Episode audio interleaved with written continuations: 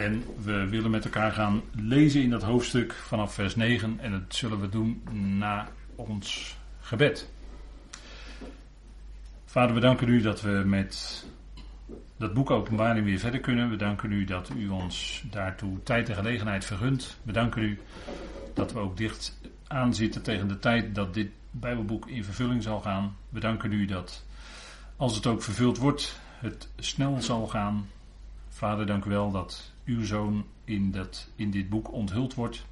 Onze Heer Jezus Christus. We danken u voor het grote werk wat hij gedaan heeft 2000 jaar geleden. Dat was alles beslissend en we danken u dat de rest daarvan een uitwerking is. We danken u dat we in deze tijd geroepenen zijn en dat we zicht en licht hebben op die toekomst die u geeft. We danken u dat we zo stap voor stap dit bijzondere, deze bijzondere boekrol met elkaar mogen bespreken. Wilt u wijsheid geven in de woorden die we mogen zeggen? Geeft u een ontvankelijk hart, dat we ook door uw geest kunnen verstaan wat uw woord tot ons te zeggen heeft. Vader, dank u wel dat we dit moment van u mogen ontvangen. Dank u wel voor ieder die op afstand met ons verbonden is. En voor ieder die hier heeft willen komen vanmiddag. We danken u dat we zo met elkaar weer verder mogen gaan. We danken u voor uw goedheid en trouw. In de naam van uw geliefde Zoon, onze Heer Christus Jezus. Amen.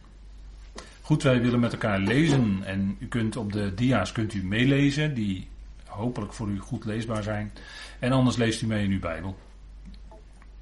Of u doet het op het gehoor, dat kan ook natuurlijk.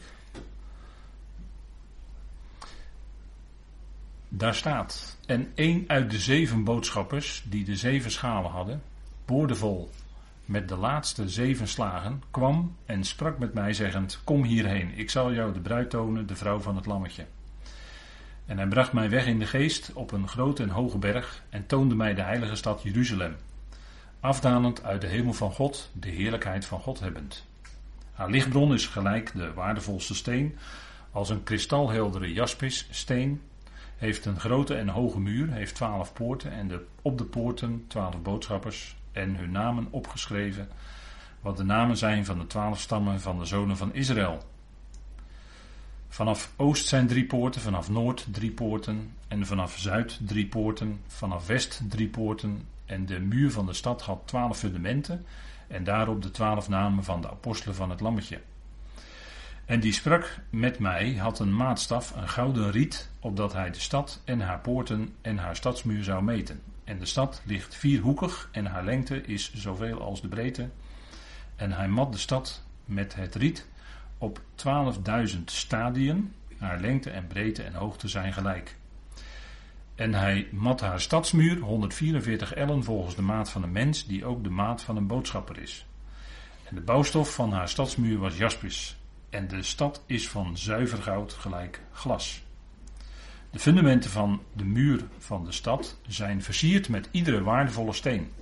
Het eerste fundament met jaspis, het tweede saffier, het derde chalcedon, het vierde smaragd, het vijfde sardonyx, het zesde carneol, het zevende topaas, het achtste beryl, het negende chrysoliet, het tiende chrysopraas, het elfde hyacint, het twaalfde amethyst.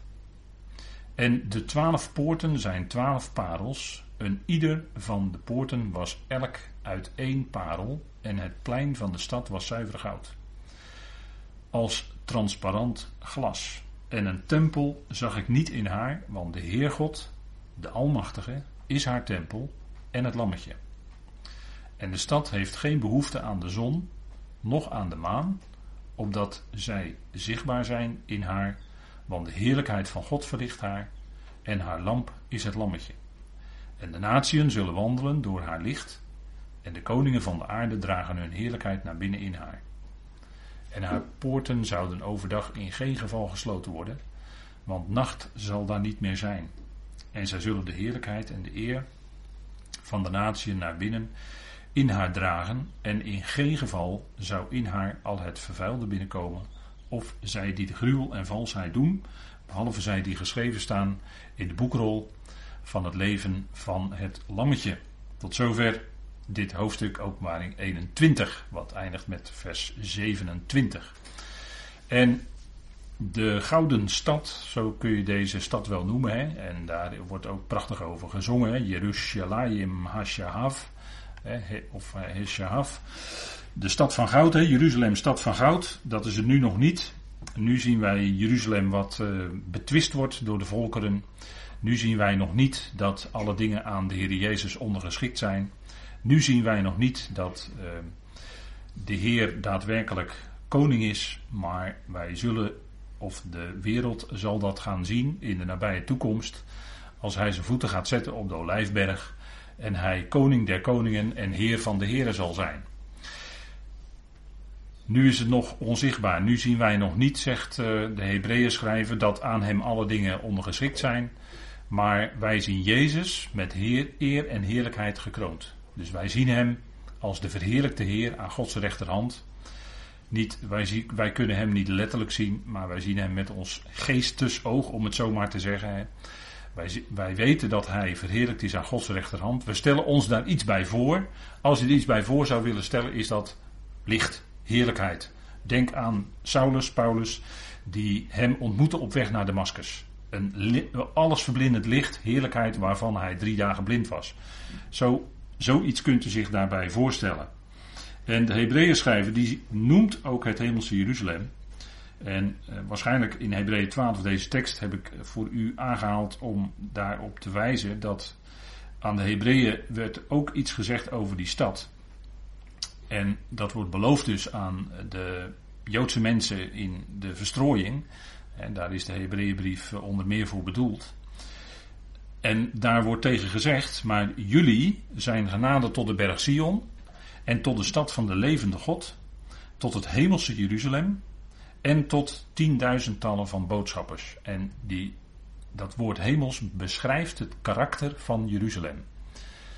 En dat is een uh, bijzonder woord. Het is, als je het heel letterlijk neemt, is het niet, uh, niet, niet hemels, maar het is eigenlijk nog iets meer. Er staat ook een voorzetsel voor in het Grieks, dat is op hemels, letterlijk.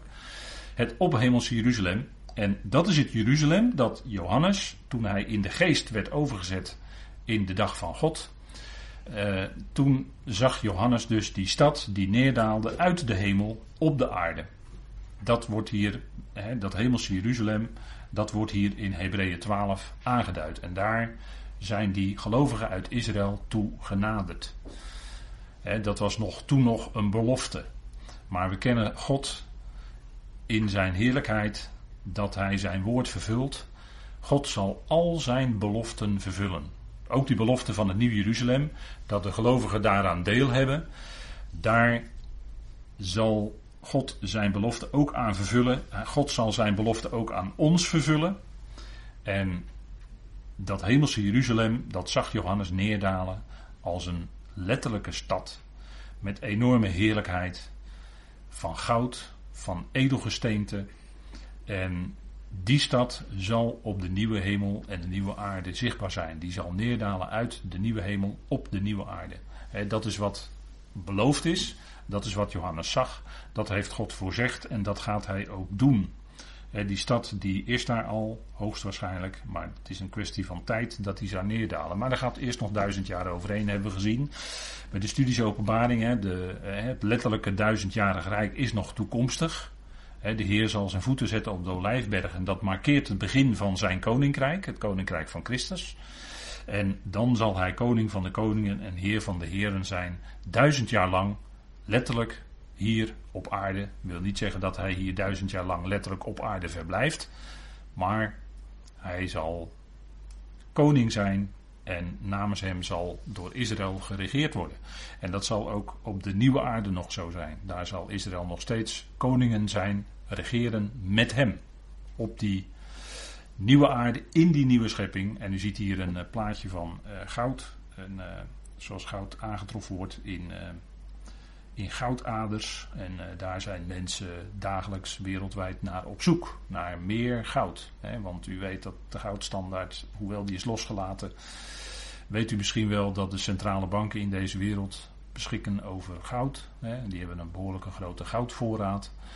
Omdat als straks uh, het financiële systeem uh, herzien wordt, daar is ook een ander woord voor in het Engels, hè, een reset gaat plaatsvinden van het financiële systeem. En er een digitale munt komt, hè, waar de Bank of International Settlements, hè, de BIS in Zurich, over spreekt. Hè, daar is al persconferentie over gegeven. En die gaat er komen. Die gaat er komen. Dus die reset, die zit eraan te komen. We weten niet wanneer dat zal gebeuren. Maar daarvoor, om, dat, om hun waarde vast te houden, hebben de wereldwijde centrale banken enorme goudvoorraden. Het is maar dat u het even weet. Dus dat, heeft, dat is eigenlijk de grondstof voor dat nieuwe Jeruzalem. Nogmaals, dat is een letterlijke stad. Dat hebben we de vorige keer nadrukkelijk met elkaar besproken. En we hebben ook dit plaatje, u heeft ook dit plaatje de vorige keer gezien, dat iemand heeft dat uh, uitgemeten op de huidige wereldkaart, uh, Europa. Dan ziet u hoe groot die afmetingen van die stad zijn. Dat is uh, ruim 2000 kilometer, 2220 kilometer zou je kunnen zeggen. De schattingen variëren een beetje, maar het zit toch wel boven de 2000 kilometer. En dat is lengte, breedte en ook de hoogte. En ja, dat er zo'n stad kan komen, ja, dat kan God maken. Hè. God is de ontwerper, staat er dan dat, dat wordt ook het woord techniek ingebruikt. De technites staat er dan in het Grieks. He, is de ontwerper en de bouwmeester is God. He, staat in, uh, ook in de Hebreeënbrief. En uh, God is in staat natuurlijk om zoiets te maken. Ja, waarom niet? Ik bedoel, als hij een menselijk lichaam kan maken met alle moleculen en atomen. En uh, als we in de kwantumfysica dan zijn de deeltjes zo klein, die kunnen we al, uh, moleculen kunnen we al niet eens waarnemen. Nou, kwantumdeeltjes kunt u helemaal niet waarnemen, die zijn zo klein. Dat heeft God allemaal gemaakt en hij houdt het ook nog eens een keer in stand. Hè? Dat hebben we met Colossense gezien. Het is hij die door Christus in Christus heeft alles zijn cohesie, heeft alles zijn samenhang, zegt de Colossensebrief. En daarom klapt de boel niet uit elkaar of niet in elkaar, geen explosie of implosie. Nee, het is God die door zijn geest, met zijn kracht, dat alles in stand houdt. Dat is het antwoord. Dat is het antwoord op wat filosofen en wetenschappers zich afvragen. De overleden natuurkundige, die uh, ja, heel beroemd is geworden door zijn uh, theoretische natuurkundige stellingen enzovoort. Die uh, zocht op een gegeven moment naar die kracht die dat allemaal in stand houdt. En toen kwam die uiteindelijk toch uit. En hij had een gelovige vrouw, maar hij kwam uiteindelijk toch uit dat. Ja, hij noemde wel eens de geest van God. Hè? Zo noemde hij dat wel eens. En dan, had hij, dan zat hij er. Eh, hij, hij wilde dat toch anders definiëren, maar hij kwam er toch heel dichtbij. En zo is het ook. En die stad, die, dat Nieuw Jeruzalem, ligt dus vier hoeken, haar lengte en haar breedte. Hij mat de stad met riet op, 12.000 stadien. Nou, dat is uh, die, dat aantal kilometers. Lengte en breedte en hoogte zijn gelijk. Dus het is een enorme stad. En natuurlijk op de nieuwe aarde uh, zul je niet Europa hebben zoals we het hier op deze kaart zien. Uiteraard, dat is allemaal anders dan. Hè. Dan is er ook geen zee meer, dan is het allemaal land. De zee is er dan niet meer, zegt Johannes. Uh, en die heeft het gezien, dus die kon erover praten. En die zee is dan weg, dus dan is het alles land. Dus daar kunnen natuurlijk dan, ja, dat begrijpt u, er kunnen tientallen en honderden miljarden mensen wonen als het, als het zou moeten.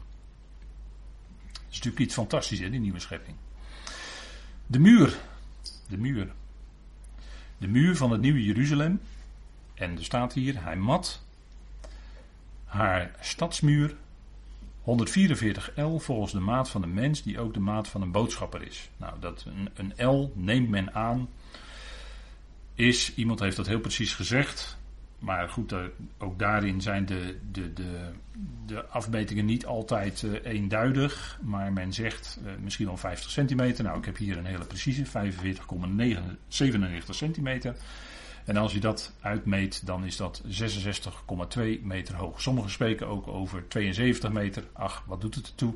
In ieder geval zal er een enorme muur zijn. Met dus, nogmaals, 12 poorten erin. En die poorten die gaan nooit dicht. er zitten geen deuren in, kennelijk, want ze gaan nooit dicht. als, je een als je stad wil bewaken, dat deed men altijd, en er was een stadsmuur om de stad heen gebouwd, dan had die poorten, en die poorten die gingen s'nachts dicht.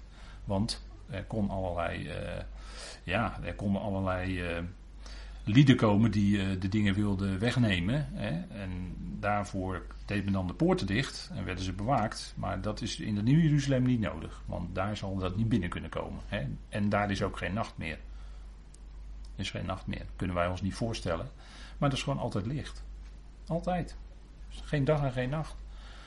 En zegt u ja, dan kun je niet slapen. Nee, maar die mensen daar die worden ook niet meer moe. Hè? Dat is ook heel, heel anders. Ze hebben de slaap dan ook niet meer nodig. Kunnen we ons ook niet voorstellen. Maar zo zal het natuurlijk met die nieuwe mensheid zijn. Met die nieuwe mensen. Die, die zijn niet meer. Die gaan niet meer dood. Hè? We hebben ook gelezen, de dood zal er niet meer zijn. Dus op de nieuwe aarde zullen geen mensen meer overlijden. Dat zal in de duizendjarige rijk nog wel gebeuren. Maar op de nieuwe aarde niet meer. dat is natuurlijk een verschil. Daar zullen de mensen blijven leven. Door het geboomte van het leven. Wat daar staat.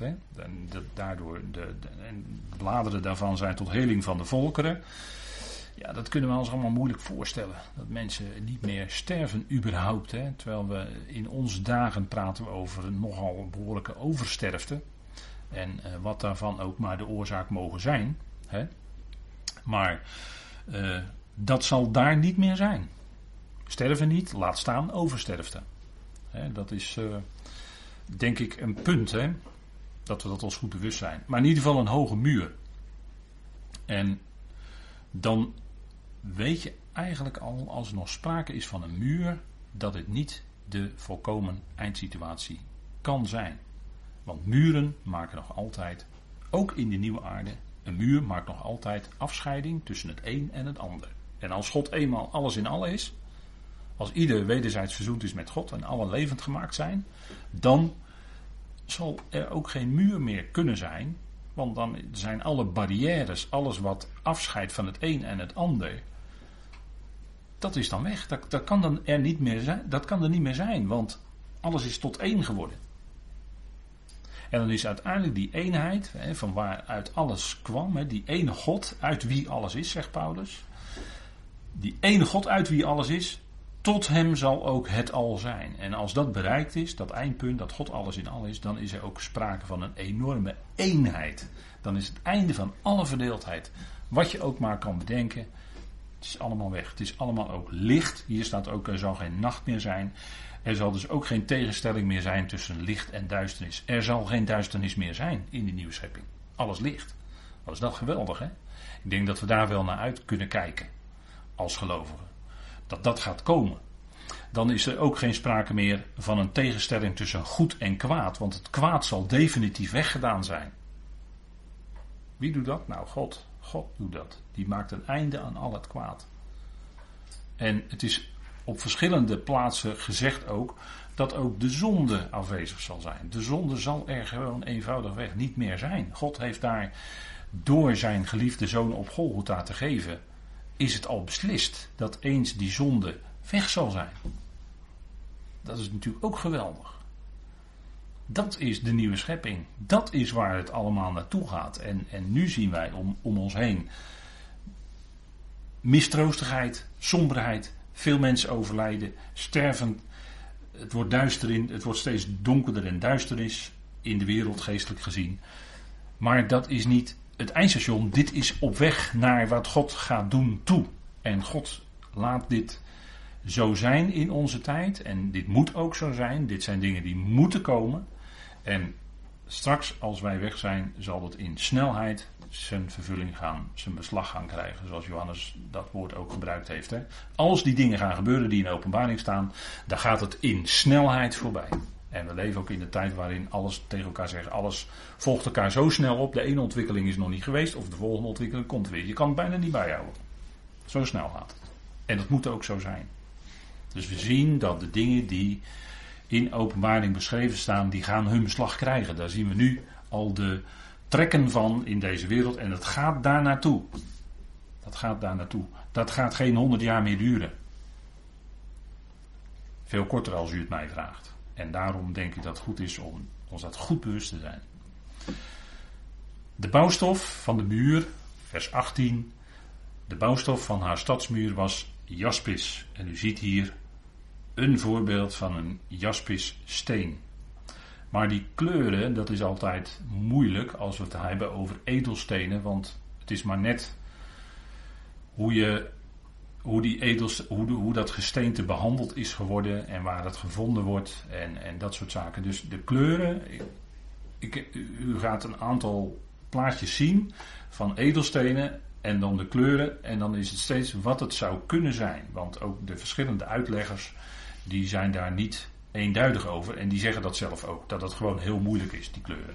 He, dat, dat, uh, dat als je diverse naslagwerken en je gaat op internet zoeken, dan kom je allerlei dingen tegen. En dan is men ook heel voorzichtig en dan zeggen we, ja, het zou dit kunnen zijn of het zou dat kunnen zijn. want u ziet hier ook een, een geel-goudkleurig gesteente. Nou, ook dat kan jaspissteen zijn. En uh, ja, goed, de ene uitlegger zegt, nou, het is geel. En de ander zegt, het kan ook die, uh, deze diepe rode kleur zijn. In ieder geval zal het uh, aan alle kanten blinken.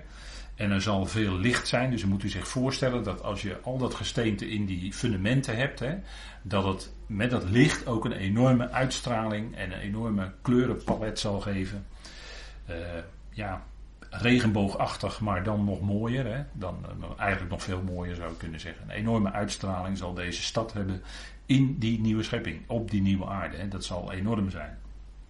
Dat is waar we naar uit kunnen kijken. De jaspissteen.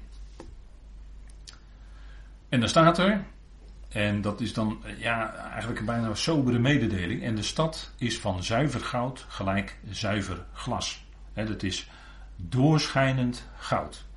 En wanneer is dat zo? Als je goud heel hoog gaat verhitten, dan gaat er steeds meer uh, onzuiverheid gaat eruit. Hè. Hoe hoger je verhit, hoe meer onzuiverheid eruit weggaat. En dan wordt het op de duur, hè, zeggen deskundigen, als je goud maar heel hoog verhit, dan wordt het op een gegeven moment doorzichtig. Dan, krijgt het, hè, dan wordt het transparant. En uh, kijk, het punt is, kijk, bij, uh, als we praten over transparant, dan uh, is er bij veel mensen uh, niet hè, en organisaties en dingen die gebeuren, dat is vaak niet transparant wat er gebeurt. En daar is dan wel eens de roep om, want wij willen transparantie. En we willen dat het doorzichtig is. Wij willen weten wat erachter zit. Nou, bij God is, God is een en al transparantie, om het zo maar te zeggen. God zegt wat hij doet. En God gaat het ook doen. En als je maar eh, nauwgezet die woorden van God volgt, dan kun je op een gegeven moment als gelovige toch ontdekken van wat gaat God nu doen. Dat zegt hij en dat gaat hij dus ook doen. Dat is, dat is helemaal transparant. Dat hoeven, dat, daar is geen onduidelijkheid over. En zo zal die stad ook zijn. Zuiver goud. En dat is het. Hè, eh, Johannes die vergelijkt het dan met wat hij ziet. Gelijk. Hè, je moet op zulke woordjes altijd letten. Hè, dan wordt er gelijk, gelijk een, een, een, een, eh, vergelijking gemaakt. Gelijk zuiver glas. Glas is natuurlijk doorzichtig. Maar goud wordt dus ook doorzichtig als het heel zuiver is. En dat is natuurlijk iets fantastisch, want als die stad helemaal in principe de bouwstof goud is, met dat edelgesteente en al dat licht van God wat daarin straalt, dan, ja, dan, dan moet dat zo'n enorme uitstraling hebben in die schepping. Dat, dat moet natuurlijk fantastisch zijn. Dat moet die hele aarde zonder meer verlichten. En, en, de hemelen. En eh, ja, dat, dat is natuurlijk een geweldige uitstraling. Hè? Centrum daarin zal zijn God zelf natuurlijk. Die zelf het licht is. God is licht, hè, zegt Johannes ook. Dat is een prachtige metafoor. Maar uh, in die nieuwe schepping zal hij er ook zelf voor zorgen dat het licht is. Licht. En dan is er ook geen zon en geen maan meer, meer nodig. Wij zijn gewend eh, licht te ontlenen aan zonlicht, maar we hebben in deze ruimte hier kunstlicht. Dat is al niet eens licht van de zon.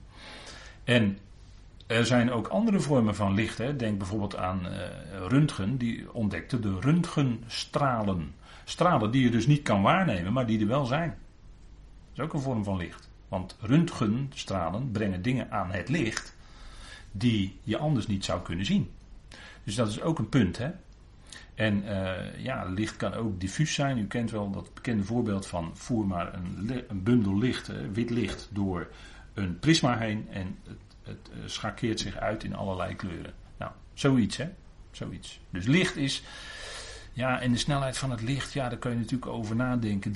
300.000 km per seconde, dat hebben we met z'n allen afgesproken, maar we weten dat niet. Want we hebben geen vergelijkingspunt om dat te kunnen meten. Maar dat is een afspraak die we met elkaar gemaakt hebben. En daar ontlenen wij dan ons idee aan dat, hebben we wel eens meer met elkaar over gehad, hè, dat sterren zo ver weg staan, maar er is in het al sprake van afbuiging van licht door middel van zwarte gaten. We weten ook niet of het licht altijd in het heelal ook 300.000 km per seconde gaat, als dat al waar is. Dus u hoort, allemaal onzeker, u hoort me nu al allemaal onzekerheden vertellen. Hè? Dus we, weten dat niet eens. We weten niet eens hoe groot de afstanden zijn. En, hè, Natuurkundigen zijn natuurlijk hele knappe mensen. Alleen het is allemaal vaak toch theorie. Als dit zo is, dan is dat ook zo. Maar als dan dit zo is, is dat ook zo? Dit? Of is dat een aanname die we met z'n allen doen? Als het een aanname is, dan is alles dubieus. Hè? Dus even voor uzelf om na te denken over die dingen. Dus hoe groot de schepping is, we weten het niet. We weten het niet. In ieder geval, dit wat Gods woord ons duidelijk maakt in, in deze hoofdstukken van openbaring is, dat die stad daar zal zijn. En er is geen enkele reden om te veronderstellen dat het geen letterlijke stad is. in de uitleg, in theologische uitleg wordt wel gezegd, ja nee, dat is natuurlijk geen letterlijke stad, dat kan niet, want dat is allemaal symbolisch moet je dat zien. Oh nee, waarom zou God dat niet kunnen maken dan? Waarom niet? Als hij menselijk lichaam kan maken, kan hij dan ook niet zo'n stad maken? Ik denk dat dat een retorische vraag is. Voor mij wel. Wat is goud? als we toch kijken van goud, wat is goud? Goud is het meest duurzame, daarom is het ook waardevast. Het meest duurzame wat er is. En dat zegt natuurlijk ook wel iets over die stad, over die schepping. Dat zal een blijvende schepping zijn. Als die nieuwe aarde daar is, als die nieuwe hemelen daar zijn, dan is dat ook blijvend. Dat gaat niet meer weg. En daar zullen nog wel in de toekomst diverse modificaties, diverse veranderingen in plaatsvinden. Maar de schepping als zodanig, nieuw hemel, nieuwe aarde, dat blijft. Dat is een blijvend gebeuren. En dan hebben we het nog even niet over de geestelijke machten en krachten. De, de machten die wij niet kunnen zien. Maar die wel degelijk zo hun invloed ook vandaag de dag juist uitoefenen op de mensheid. Via mensen, via vlees en bloed gaat dat. dat, dat is heel erg duidelijk bezig. Als je daar zicht op hebt. Goud, dat is iets dat blijvend is. Goud spreekt in de schrift van regering. Wanneer mocht Esther bij de koning komen? Toen hij die gouden scepter toereikte aan Esther. En toen mocht Esther bij de koning komen. Dat was een heel belangrijk moment in het boek Esther. Maar dat was dus goud. Hij had een gouden staf als uitbeelding van zijn heerschappij op dat moment. Dat was koning Ahasveros, die regeerde over maar liefst 127 gewesten. Dat was een wereldrijk. Dat was een wereldrijk. De Meden en de Persen. En heel wonderlijk, heel wonderlijk in die geschiedenis van Esther, hoe God zijn volk daarin bewaart. Dat is een hele wonderlijke geschiedenis. Hè? Dat vieren de Joodse mensen altijd met het Purimfeest. Het is natuurlijk geweldig om daar weer terug te denken aan, aan het boek Esther. Hè? Hoe God, hoewel zijn naam in het boek niet genoemd wordt, maar je ziet heel duidelijk in het boek Esther die bewarende hand van God, hoe hij zijn volk bewaarde. En dat heeft hij tot op vandaag de dag gedaan. Mensen willen soms een bewijs zien van waar is God nou? Want hij vertoont zich niet, of waarom grijpt hij nou niet in met al die ellende in de wereld? dat zijn allemaal hele makkelijke vragen. Maar wil je nou een bewijs zien van God is volk Israël? Israël is weer terug in het land. Ze zijn daar weer. Ze hebben een eigen staat. Is vervulling van profetie. Is duizenden jaren geleden voorzegd door de profeten van Israël. En het is er nu weer. Dat is het bewijs. Als je bewijs wil hebben dat God er is, dat is het bewijs. En hoe God in uw en mijn persoonlijk leven heeft gewerkt. Dat je eerst de dingen niet zag, dat je in duisternis was. En God heeft je ogen geopend. God heeft door zijn geest in je woning gemaakt. De geest van God woont in ons. En daardoor en door de schriften kunnen we zien hoe dingen zitten. Kunnen we de dingen ook geestelijk gaan begrijpen. Dat is natuurlijk voor jou persoonlijk ook een bewijs van, ja, God heeft mij geroepen. Dat is heel bijzonder. Hij heeft mijn ogen geopend. Net zoals hij dat bij Saulus deed op weg naar Damascus. Vijand van Jezus. En God betoonde hem genade. Goud. Goud is ook een uitbeelding van koningschap. Hè? En goud is een uitbeelding van de godheid van God. Goud is het hoogste. En de apostel Paulus noemt dat ook in 1 Korinthe 3. Hij noemt goud, zilver en kostbare stenen. En dan moet je bijna denken aan deze stad, hè, vergelijkenderwijs. Maar dat goud, en dan gaat het, in 1 Korinthe 3 gaat het over het geven van onderricht. En het goud is het hoogste, dat is de godheid van God. Dat wil zeggen, God heeft alles in zijn hand. Bij God gaat nooit iets mis. Wat God doet is altijd wel gedaan. God maakt geen fouten. God bestuurt alles in overeenstemming met de raad van zijn wil. Dat is de godheid van God. Koning Kores uit het verleden, die geen gelovige was, absoluut niet, integendeel zelfs. Dat was een afgodendienaar. En toch was koning Kores in de handen van God. En God zei tegen hem: Jij bent mijn herder. Jij bent mijn messias. En jij gaat doen wat ik wil. En dat zei Jezaja. Uh, meer dan, minstens meer dan 100 jaar voordat Kores. Hij werd bij naam en toenaam genoemd. Minstens 100 jaar voordat Kores op toneel kwam als koning zijn. En Kores ging dat ook doen. Dat is de godheid van God. En er staat ook in de schriften dat de God, de geest van uh, de koningen, uh, uh, ik meen Sion, Sion en Och, de koning van Bazan, dat hij die geest van die koningen opwekte om weerspannig te zijn tegen Israël, zodat hij ze kon overwinnen en zijn heerlijkheid kon laten zien. God zorgde ervoor dat de farao op de troon kwam en dat hij nee zei tegen jullie mogen niet weggaan uit, uit Egypte. En God verhardde zijn hart. Staat er, hè? Staat er. God verhardde zijn hart. Opdat God zijn naam bekend zou worden en verheerlijk zou worden over de hele aarde. En hij leidde Israël uit met de machtige hand en de legers van de farao, die kwamen om in de Rode Zee. Dat is de godheid van God. Dat is God die en die koning inspireert en kracht geeft om dat volk tijdelijk tegen te houden en tijdelijk tegen de geopenbaarde wil van God in te gaan. En het is diezelfde God die er ook voor zorgt dat Israël uit Egypte verlost wordt door een machtige hand. Dat is de godheid van God, die heeft alles in zijn hand. hij wordt in het stukje wat we gelezen hebben ook genoemd de Almachtige.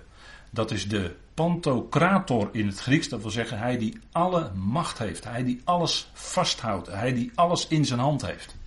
Die God, die mogen we kennen en die God is liefde. En dat is geweldig hè. Bij die God gaat er nooit iets mis. Ook in uw persoonlijk leven niet. En dan komt het ineens heel dichtbij. maar God is zo groot dat hij ieder persoonlijk mensenleven kent. Dat hij ieder mens ook persoonlijk kent. Zo groot is God. Hij heeft uw en mijn leven volledig in zijn hand. En dat is geweldig als je dat bewust bent. Dat is goud. dat is ook goud als je dat weet.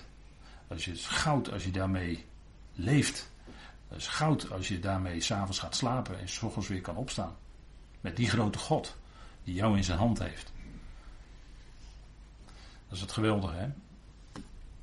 En de fundamenten van de muur van de stad zijn versierd met iedere waardevolle steen. Hè? Eh, openbaring 21, vers 19. En Abraham, Abraham die had de stad met fundamenten gezien. Daar spreekt de Hebreeën schrijver. Ik heb deze tekst voor u aangehaald. Abraham, daarvan staat in geloof, verbleef hij tijdelijk in het land van de belofte als vreemde. Woonde in tenten met Isaac en Jacob. De gezamenlijk lotbezitters dat woord komt ook voor in Efeze 3, van diezelfde belofte. Want hij wachtte op de stad die fundamenten heeft, waarvan God de ambachtsman en bouwmeester is. Abraham moet dat gezien hebben. Dat kan niet anders. Abraham heeft dus hemelse dingen gezien. Net zoals Mozes op de berg hemelse dingen heeft gezien. Waarvan een weerslag was de tabernakel die hij moest inrichten. Dus Abraham verwachtte die stad met fundamenten. Dit is de stad met fundamenten, het Nieuw Jeruzalem. Met allemaal kostbaar gesteente. Ah, dat is natuurlijk fantastisch, hè? En dat Abraham daar iets van gezien heeft. Dat, en hij geloofde God. Hij geloofde God op zijn woord. Want het ging niet alleen om wat hij gezien had. Het ging om God die sprak. En Abraham die geloofde de woorden van God dat God die belofte die hem had gegeven over nageslacht ook zou waarmaken. En dan kan het tien jaar duren, en dan kan het dertien jaar duren, en dan kan het lang duren. Maar God vervulde zijn belofte. Op het moment dat het naar de mens gesproken niet meer kon. Toen vervulde God zijn belofte. Hij deed wat hij zei. En dat is steeds weer zo. God doet wat hij zegt. Hij is zo door en door betrouwbaar. En Abraham had dus iets van deze stad gezien. Hè. Abraham heeft daar misschien maar een glimp van opgevangen op een of andere manier. Heeft iets van gezien. Hij wachtte op de stad met fundamenten. En Abraham zal die stad met fundamenten ook nog niet zien in de komende duizend jaar. Maar hij zal die pas zien als hij zijn voeten zet, Abraham, op de nieuwe aarde. Pas dan zal hij die stad gaan zien. Dat is natuurlijk dan geweldig. Hè? Dat, ze, ja, dat, dat zal alle verwachtingen van de aartsvaders ver overtreffen, denk ik. En Abraham had het voorrecht om daar iets te van te zien. En hij, zijn naam zegt het ook, hè, Abraham. Hij zou een vader zijn van een menigte van volkeren. En dat is ook vervuld geworden. Hè? Meer dan de sterren van de hemel, meer dan het zand van de zee. En die stenen, als we gaan kijken met elkaar naar die stenen, dan vinden wij ook twaalf stenen in de borstschild van de hoge priester. En dit is wat wij ook, uh, dit is wat u, uh, ja, dit, dit zal in uh, Tempelinstituut denk ik niet te zien zijn. Anders moet je die vitrine wel heel zwaar beveiligen, denk ik. Maar dit is van het Tempelinstituut wat zij dus wel in gereedheid hebben. En dit zijn de twaalf stenen met daarop de, of die symboliseren natuurlijk de twaalf stammen van Israël. En dat is natuurlijk een heel mooie uitbeelding. Dus een, eh, een borstplaat voor de hoge priester, zodat hij die uh, stammen van Israël eigenlijk op zijn hart draagt. Dat is natuurlijk, eh, denk ik, de gedachte. En dat dat een uitbeelding is van, uh, zo'n hoge priester, een uitbeelding is van God zelf, die de stammen van zijn volk, van zijn geliefde volk Israël, wat nog steeds zijn volk is, van zijn geliefde volk Israël op zijn hart heeft. dan zien we hier robijn, topaas, carbonkel, zoals het in uh, Exodus 28 heet. Smaragd, saffier, diamant. Hyacint, agaat, amethyst, turquoise, onyx en jaspis. En ik denk dat dat uh, prachtig is. Iedere waardevolle steen, zegt openbaring 21 vers 19. En een voorafschaduwing, uh, hoe moet je dat zeggen? Zal waarschijnlijk ook dan inderdaad deze edelstenen zijn geweest die de hoge priester dus met zich meedroeg als hij in zijn dienst was. Niet op Grote Verzoendag, want op Grote Verzoendag moest hij zijn kledij afleggen en moest hij in linnen, alleen in linnen gekleed, zijn verzoeningswerk doen. Hè, op Yom Kippur. Dat, is, uh, dat heeft natuurlijk een bepaalde betekenis. Maar dan moest hij dus zijn hogepriesterlijke kledij en ook deze edelstenen afleggen. Iedere waardevolle steen. En het eerste fundament, zegt openbaring dan, is met jaspis. En dat is een doorzichtig groen chalcedon, ook wel plasma genoemd. En dat is wat, u ziet ook hier het Hebreeuwse woord bij, jaspe. Of jaspa, kan ik ook zeggen. Als de uitgang AH is, dan is het die steen die ja, wat, wat zeegroenachtig is. Een beetje doorzichtig groen. Uh, een van die kleuren Groen, ja, groen spreekt natuurlijk van uh, vruchtbaarheid, hè, van uh, vrucht, nieuwe vrucht. Fris, hè, in het voorjaar wordt alles weer groen, zeggen we dan tegen elkaar. Gaat alles weer groeien en bloeien. En dat is natuurlijk uh, fijn als we dat zien elk jaar. En dat zegt iets over de kracht van God. God doet de dingen groeien, God geeft de vrucht. En het geboomte van het leven zal zelfs twaalf maanden per jaar vrucht dragen. Nou, dat is helemaal iets geweldigs. Hè? Groen is natuurlijk ook dat wat ontspruit in het voorjaar en is natuurlijk ook een uitbeelding van de opstanding.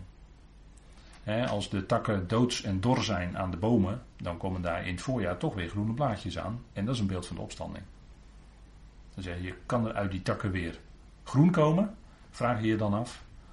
En ja hoor, op een gegeven moment komt het gewoon weer. Dat is een beeld van de opstanding. En dat is wat we ook uh, zien op de akkers. Wij zaaien graan of enige van de andere soorten. En wat komt daaruit op? Een prachtige aar die weer vrucht gaat dragen. En zegt de Heer Jezus deels 30, deels 60, deels 100 fouten. En dat is natuurlijk ook een beeld van de opstanding. Daar vergelijkt de Heer Jezus het ook mee. En dat is ook als we iemand begraven. Hè, dat werd ook uh, van de week gezegd bij de uitvaart van uh, Mary uh, Huisman. Als wij begraven, dan is dat een zaaien. Hè? Zo spreekt Paulus erover in 1 Corinthië 15. En dat doen wij in de verwachting van de opstanding. Als, als we iemand begraven, ter aarde bestellen heet dat, dan is dat in afwachting van de opstanding. Want God gaat, en Paulus maakt die prachtige vergelijking, typologie in de natuur hebben we dan weer over. Prachtige vergelijking met zoals een aar daar weer uitkomt. Dat je denkt van nou zo'n korrel kan naar zo'n prachtige aar met al die met, met, uh, op een gegeven moment gaat hij helemaal zo overhangen, zo'n aar, als hij uh, bijna geoost kan worden. Kan dat er nou uit voortkomen? Je zegt van nou, als je dat korreltje ziet, dan uh, denk je nou, dat, daar komt niks meer uit hoor. En dan, oh wonder, dan komt het toch. En die groeikracht, daar kunnen biologen of wetenschappers kunnen niet verklaren. Wat is nou die groeikracht? Weten ze niet. Vragen ze af. En mensen die oprecht zijn, die vragen zich verwonderd af. Wat is nou die groeikracht? Want het gebeurt elk jaar weer. Elk jaar is het weer een onderwijzing die God geeft in de natuur van wat hij doet. Dat is Gods kracht. En het is wat hij laat zien. Groen. Azuurblauw. Dat is het tweede. Hè? Het tweede is saffier. En in het Engels zeggen ze dan lepis lazuli.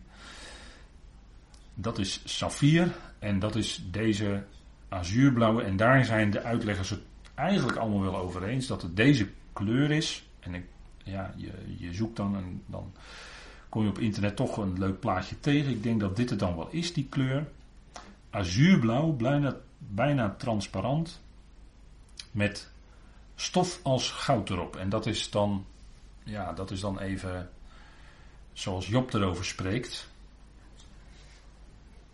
En dat azuurblauwe, dat zie je ook wel eens als, als water heel mooi is, dan uh, kan het deze kleur wel hebben. Hè? En blauw spreekt natuurlijk van de hemelse dingen. De hemel is blauw, althans wij zien hem als blauw. En dat is natuurlijk een, een prachtige uitbeelding van de hemelse dingen dat wat God in zijn nieuwe schepping gaat manifesteren. En dan, ook al is dit al op die nieuwe aarde aanwezig, toch is dit nog niet de volkomenheid. Hè? Maar dit, als u het mij vraagt, is dit wel blijvend, deze, deze stad. Is wel blijvend. Azuurblauw, dat moet natuurlijk prachtig zijn als dat licht. En dat, dat licht via dat goud weer kaatst en ook hier doorheen schijnt. Dan is dat uh, heel mooi hè? als het doorschijnend wordt. Hè? Dat is allemaal prachtig.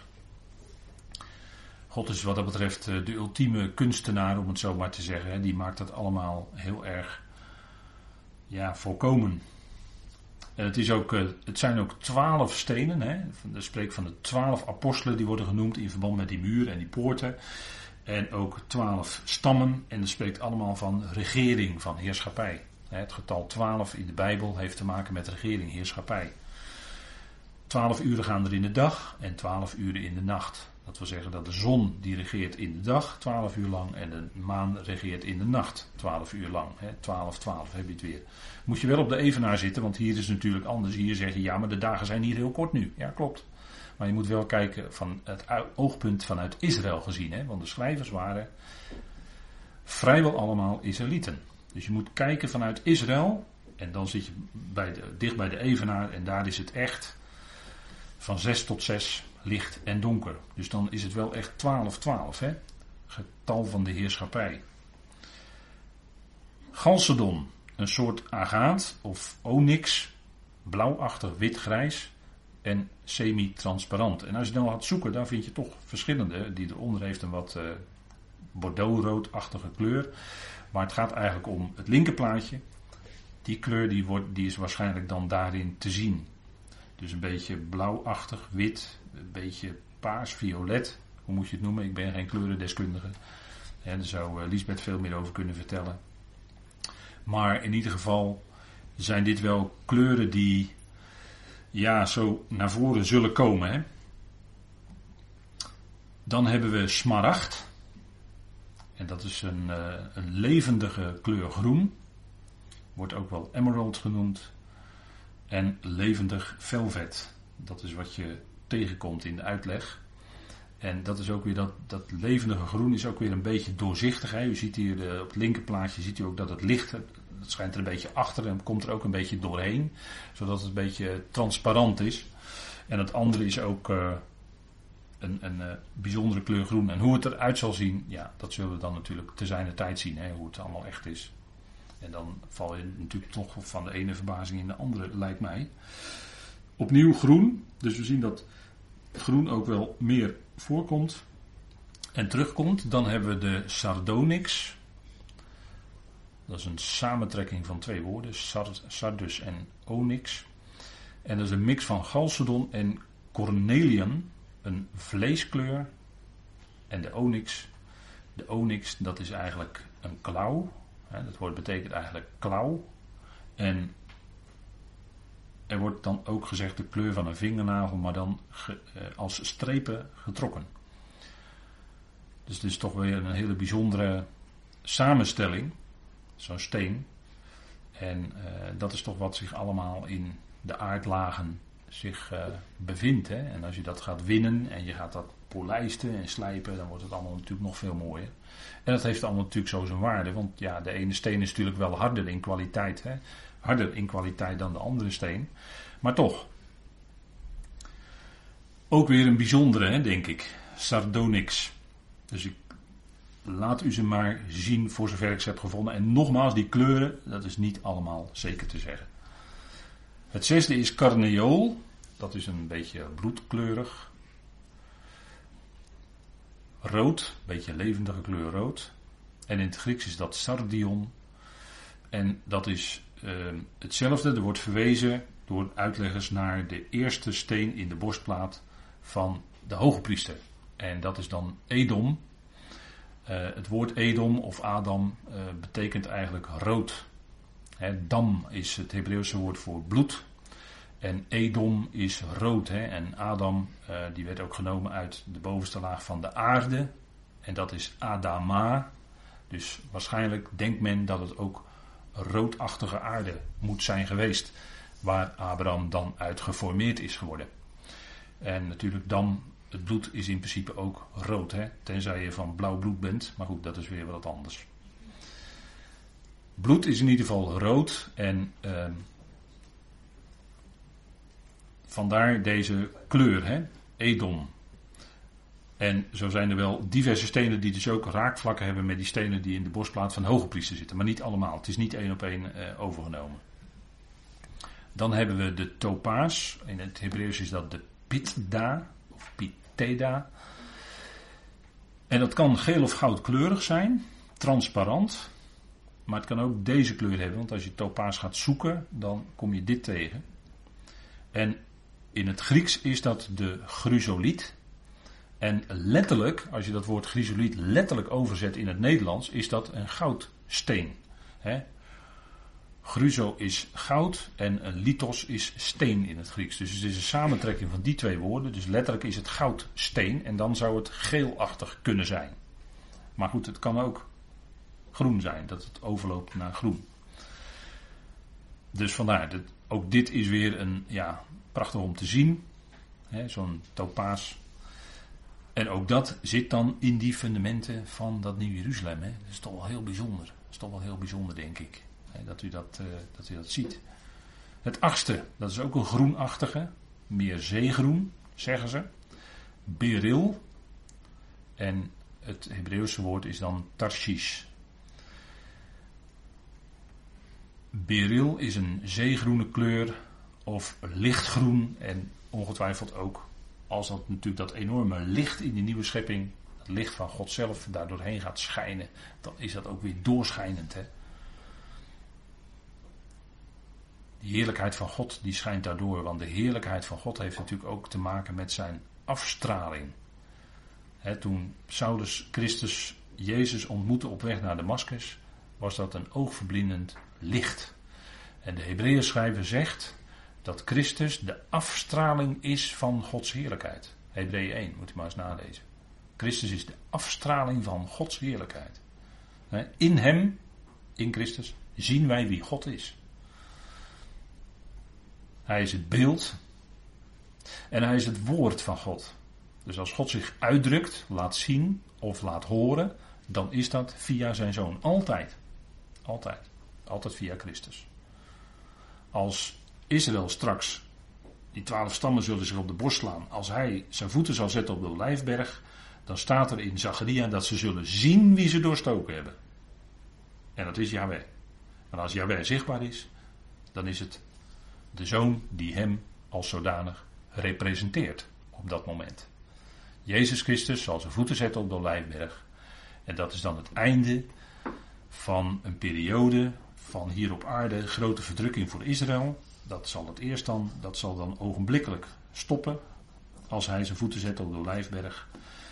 En daaromheen zal hij dan successievelijk het opgerichte rijk van de wettelozen, het wereldwijde rijk van, in het Johannes wordt hij genoemd ook, de antichrist, de in plaats van Christus, zal hij dat hele wereldwijde rijk van antichrist ook teniet doen, zal hij uitschakelen. Want hij is die steen, weet u wel, uit Daniel 2, vers 44, die de hele aarde gaat vullen.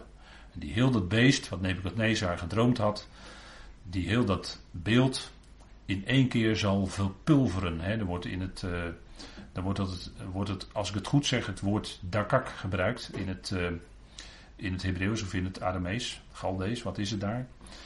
En dat betekent dat het totaal verpulverd wordt. Dat beeld wordt helemaal aan gruzelementen. Dat is natuurlijk een uitbeelding dat het hele koninkrijk van de, wetteloze, wat dan is opgericht en wat een, een schrikbewind zal zijn gedurende korte tijd, maar het is maar een korte tijd. Maar dan zal hij een, aan, een einde maken aan het komende schrikbewind van de wetteloze. En dan zullen ze ook zien dat hij daar is.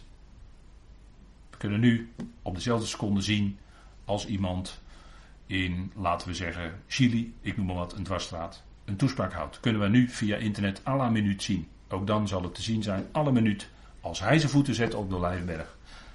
En er zullen een heleboel moeten herkennen. Ja, hij bestaat toch. Daar is hij. Daar staat hij. Met zijn voeten op de Lijfberg. Jezus Christus. Dat is hem. En dan zullen heel, veel, heel wat zullen dat ook direct erkennen. En zullen hun knieën buigen. En er zullen ook heel wat zijn die zullen zich nog steeds blijven verzetten tegen hem. En dat heeft dan te maken met de religieuze kant van de zaak. Zoals in Daniel ook gezegd wordt, hè, dat, dat die dieren die blijven nog even bestaan nadat, die, nadat diegene die een hele grote mond opzet tegen God en tegen zijn gezalfde, dan blijven die dieren nog even bestaan. Dat wil zeggen dat die, dat antichristelijke rijk, vooral die religieuze kanten van, dat blijft nog even bestaan voordat het helemaal uitgeschakeld is. Moet je maar eens op nalezen? Daniel 7 staat dat. Dan zie je al die dieren. En normaal gesproken wordt er gedacht dat dat wereldrijken zijn, koninkrijken. Maar het gaat in feite daar om religies. En dan is dat grote, vierde, afschrikwekkende dier wat dan komt, het meest verschrikkelijke, wat met zijn poten alles verpulvert en vertrapt. Dat, dat zal dan in de eindtijd de overhand hebben, dat beest. En dat heeft vooral te maken met religie. En we zitten hier ook in het laatste stuk van het religieuze gedeelte van het tempelgedeelte van openbaring. Dus vandaar deze opmerking, eh, die in dat kader ook dan wel passend is. Omdat ook aan die antichristelijke religie zal natuurlijk door de Heer een einde gemaakt worden. Hij gaat dan alles een einde maken aan de politieke heerschappij en aan de religieuze heerschappij van de wettelozen. Aan alles maakt hij een einde dan. Goddank. Goddank. En dat dat gaat komen. Hij komt. Hij komt. God zal zijn belofte van zijn komst vast en zeker vervullen. De Heer heeft er zelf over gesproken tegen zijn discipelen. En hij zal wat hij gezegd heeft, dat zal ook vervuld worden. En dat, goed, tot zover. We gaan even pauze.